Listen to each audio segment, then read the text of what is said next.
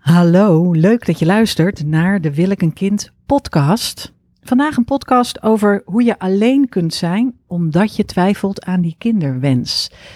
Dus twijfel over wel of niet een kind kan eenzaam maken. Jullie wisten natuurlijk al dat ik je trouwe uh, host ben, Evelien de Jong, en dat ik mensen help die twijfelen over de kinderwens. Normaal doe, draai ik dat riedeltje af, maar nu zit ik zo, ik ben mijn nieuwe cursus aan het maken en ik zit zo in de filmpjes en de video's dat ik helemaal vergeet mezelf voor te stellen. Enfin, ik ben het. Um, alleen zijn en twijfelen over wel of niet een kind is heel erg lastig, omdat uh, er zijn eigenlijk twee dingen. Allereerst willen mensen die van je houden, met wie je die twijfel bespreekt, die willen je helpen. En dan zien ze twijfel als een probleem dat ze voor je op willen lossen. En ten tweede leeft er in de samenleving een veronderstelling, de overtuiging dat juist zo'n grote levensvraag, die je alleen maar persoonlijk kunt beantwoorden, dat er dus ook bij jou persoonlijk van binnen een heel sterk antwoord zit. En eigenlijk, als dat antwoord er niet zit, dan is dat spannend voor iedereen, uh, voor alle betrokkenen. Laat ik met dat laatste beginnen.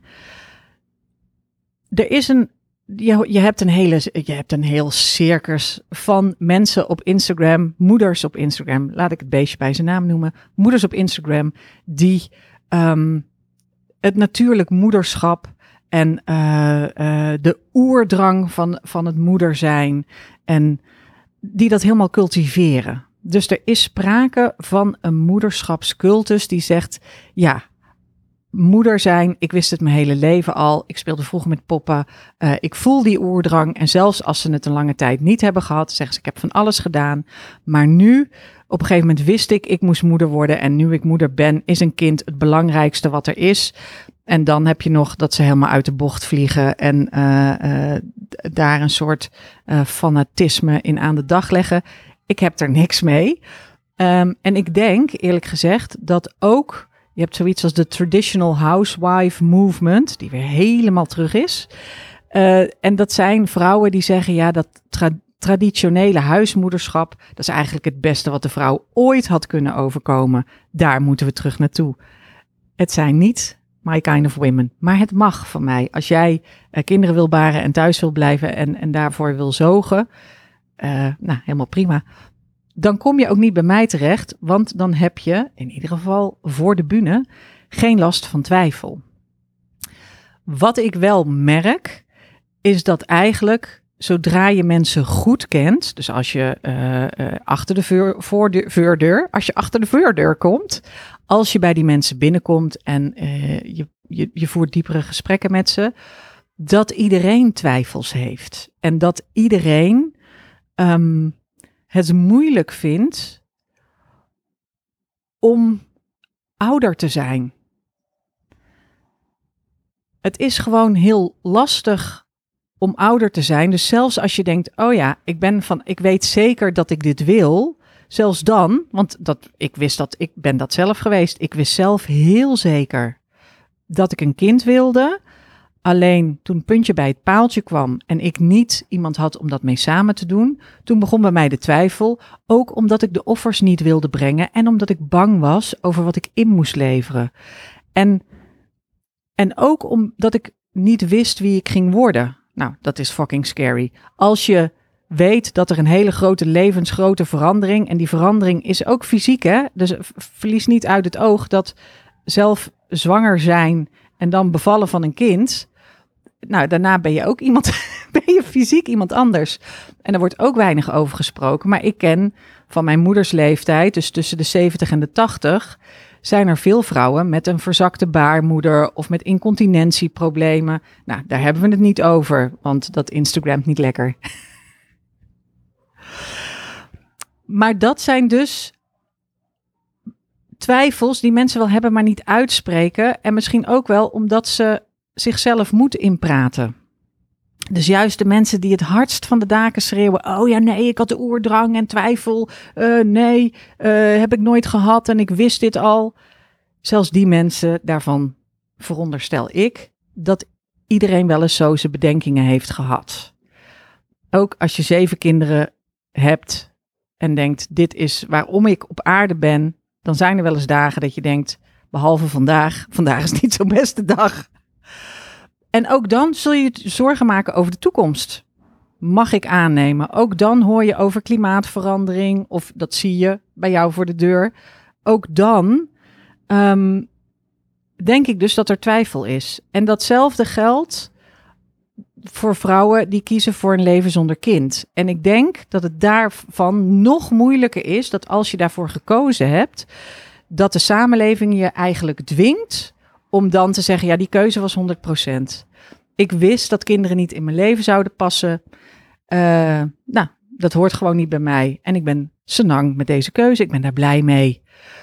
Terwijl ook als je helemaal geen kind hebt, en dat vond ik zo mooi aan die uh, je, je hoort dat niet zo vaak. Maar zo iemand als Liedewij Edelkoort, die dat zei in zomergasten.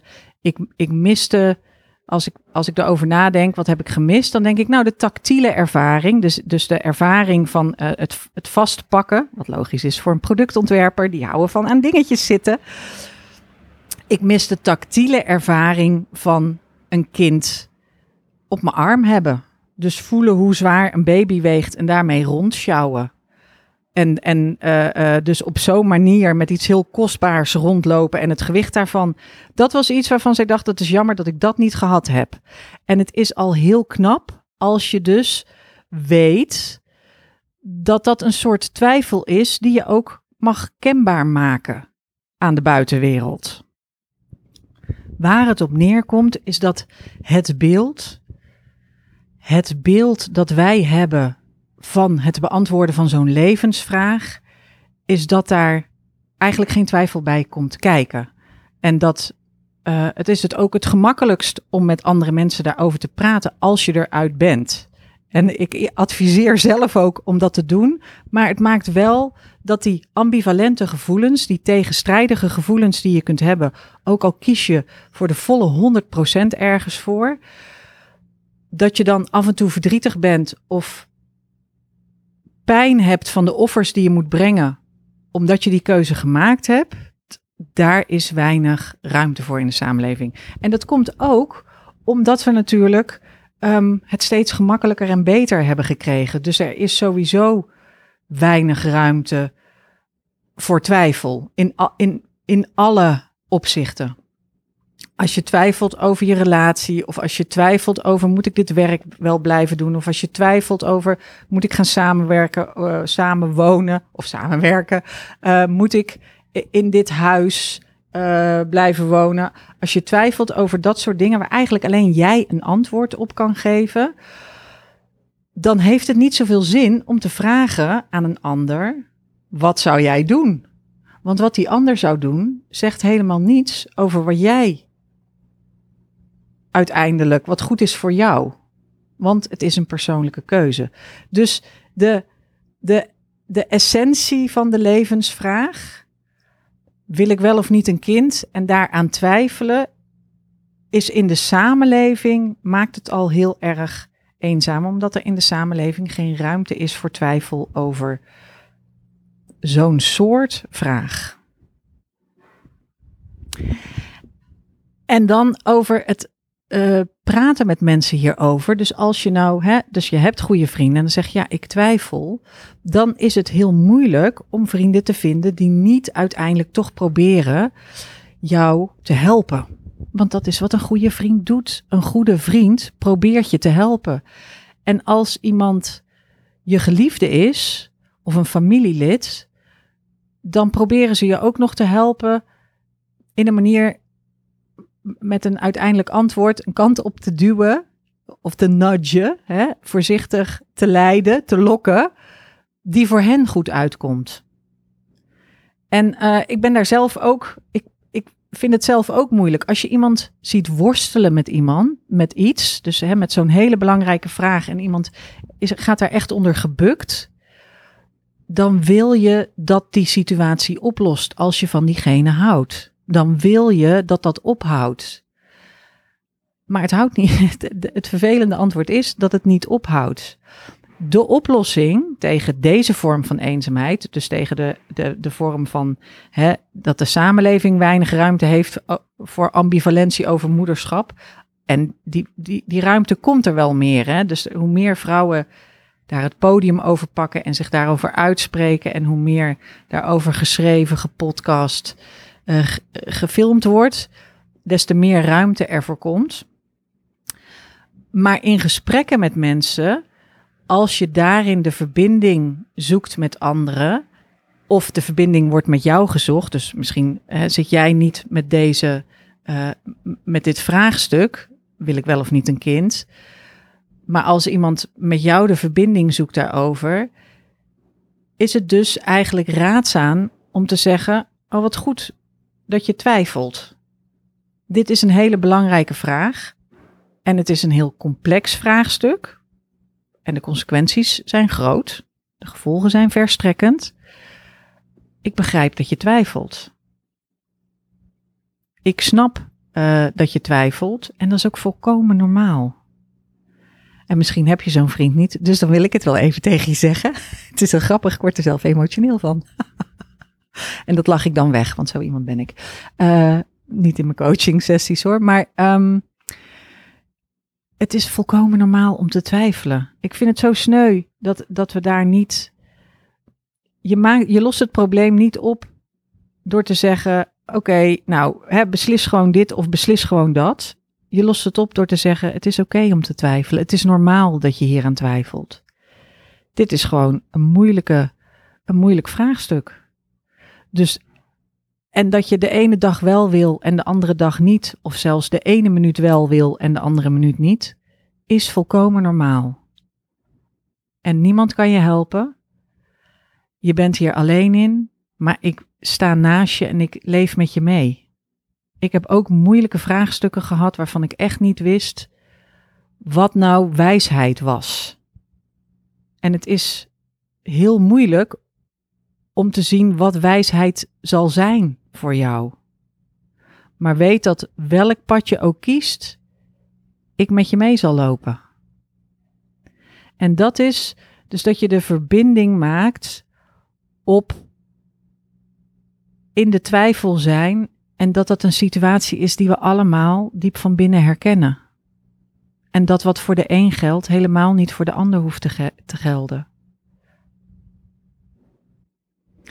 Wel blijft het heel moeilijk om over twijfel te praten zonder in de richting van een oplossing te gaan. Interessante vorm of methode om is uh, te onderzoeken, als je daar interesse in hebt, is het Socratisch gesprek. Bij een Socratisch gesprek ga je namelijk niet op zoek naar een resultaat of naar een oplossing van een vraagstuk, maar verken je wat er bij de mensen leeft, welke verschillende definities er zijn. Eigenlijk ga je filosoferen. Er zijn uh, handreikingen voor uh, Socratische gesprekken vindbaar op internet. En ik vind dat een interessante, zeker als het gaat om bij mensen in een gesprek de twijfel juist te verrijken en er niet voor op de vlucht te slaan, dan kan zo'n Socratisch gesprekje helpen. Wat ten grondslag ligt aan die eenzaamheid, is dat je zelf niet goed weet wie je bent. En dat het dus ook heel moeilijk is om verbinding te maken met anderen. En toevallig had ik van de week een coachie die in haar opdrachten een zin zette die voor mij dit heel goed omschreef. En ik heb gevraagd aan haar of dat ik dat uh, mocht delen. Maar zij schrijft: Ik ben bang dat als ik iets kies, dat ik dan iets anders misloop. Maar door niet te kiezen, loop ik de verbinding met mensen mis.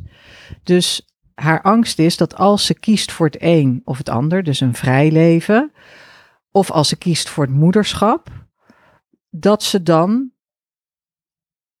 het niet gekozen pad zal missen en dat ze daar verdrietig over zal zijn. En daarom blijft ze eigenlijk vertwijfeld staan op het kruispunt. Hier is ook een heel mooi gedicht uh, over van James Wordsworth, volgens mij. Two roads diverged, two roads diverged into a yellow wood, but being but one traveler, long I stood. En dan uiteindelijk gaat het door en kiest hij The Road Less Traveled By. Dit gedicht kom je heel veel tegen. Ehm, maar zolang als je nog vertwijfeld op dat kruispunt staat, is het lastig om je te verbinden aan mensen. Omdat mensen vooruit gaan in hun leven. En eigenlijk wil je met ze mee oplopen. Maar dat kan niet als jij nog vertwijfeld op het kruispunt staat. Dus dat vond ik heel mooi uh, gezegd. Dus als ik iets kies, loop ik een van de twee paden mis. Nou, dat is een groot offer als je echt vertwijfeld in het midden van die kruising staat. En door niet te kiezen, hè, door hier vertwijfeld te blijven staan, is het extra moeilijk voor mij om mezelf te verbinden met mijn vrienden, met mijn relatie, met mijn ouders, met familie. En dat zijn, uh, dat is waarom twijfel over een kinderwens eenzaam kan maken. En de oplossing ervoor is nou in gesprek in ieder geval. Als je, aan, als je tegen mensen zegt, als je nou naar deze podcast luistert, hè, dan zit je er waarschijnlijk zelf mee.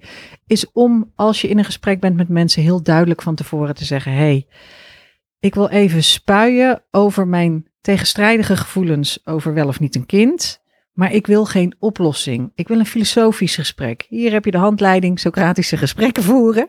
Dit is wat ik wil. Ik wil dat er ruimte is voor deze twijfel. En het voelt oncomfortabel voor mij, maar ik wil het ook gewoon even tegen je aanhouden. En niet, ik wil niet richting een oplossing of richting een resultaat. Ik ben hier nog even mee.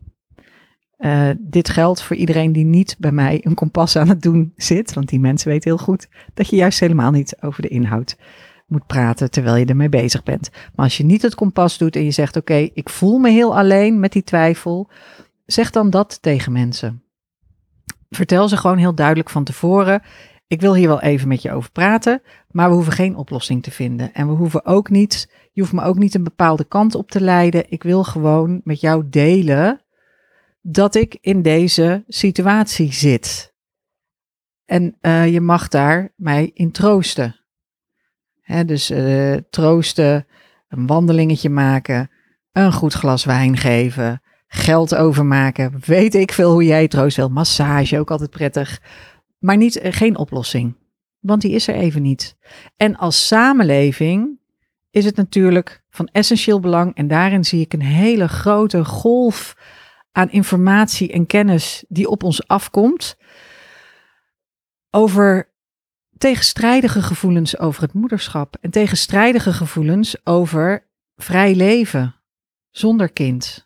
En dat beide voor- en nadelen hebben. Elk voordeel heeft zijn nadeel, moet ik ook ineens aan denken. En dat geldt zeker voor de kinderwens. Nou, dit zijn zulke wijze woorden. Daar sluit ik mee af.